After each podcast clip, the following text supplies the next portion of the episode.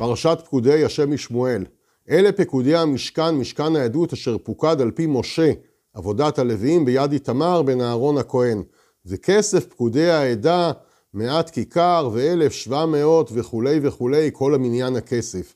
מדגיש לנו השם משמואל כמה הערות בעניין עבודת השם, אותם ניתן ללמוד מפקודי המשכן, משכן העדות אשר פוקד על פי משה. מה עניינו של משה? מביא השם משמואל את דברי הפסוק בספר משלי, איש אמונות רב ברכות, ואץ לעשיר לא ינקה. איש אמונות זה משה, שנעשה גזבר על המשכן באמונה, וכל הדברים היו מתברכים על ידו, רב ברכות, לפי שהיה נאמן. ואילו אץ לעשיר לא ינקה, זה קורח שהיה לוי וביקש ליטול כהונה ולוויה, ולא ינקה על עוונו החמור של קורח. מה ההבדל בין משה לקורח?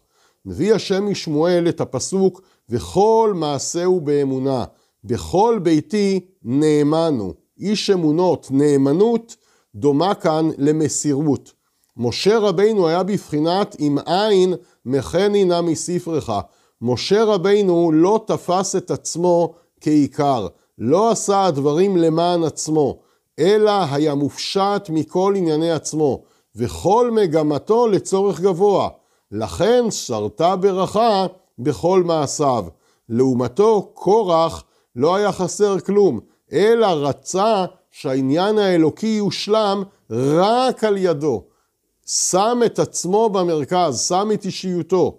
גם אם מטרתו הייתה לשם שמיים, אבל רצה ששם השמיים יעבור דווקא דרכו. כשאדם מערב את עצמו, מערב את האישיות שלו, ולא עושה את הדברים באמונה, רק למען שמו באהבה, אז יש חשש גדול לקלקול. לכן משה רבינו נהפך להיות הכלי לברכה, מפני שרצה שכל השפע האלוקי יבוא לעם ישראל בלי שמו של משה רבינו. מכן הנה מספרך.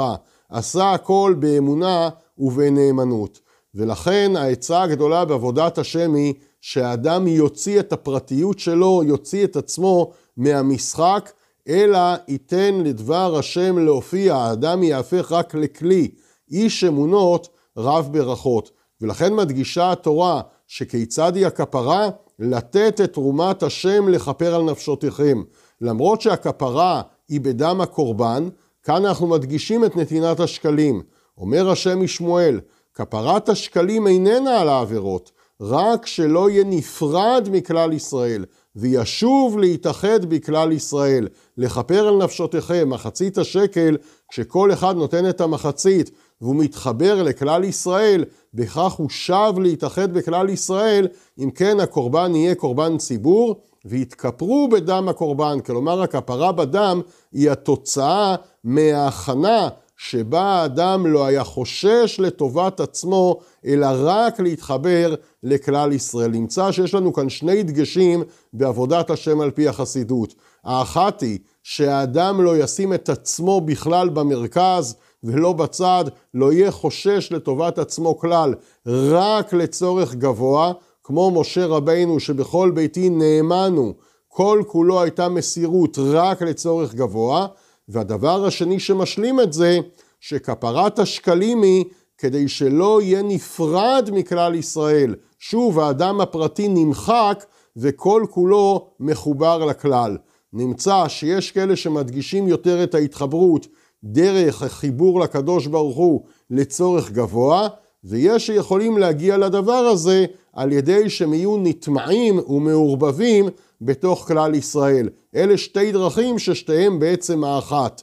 העיקר להוציא את הפרטיות, את העצמיות, את האגו, את הגאווה האישית מעבודת השם, ולעשות את הדברים באמונה, לשם שמיים ומתוך כלל ישראל. שנזכה להתחבר בצורה זו, אמן ואמן.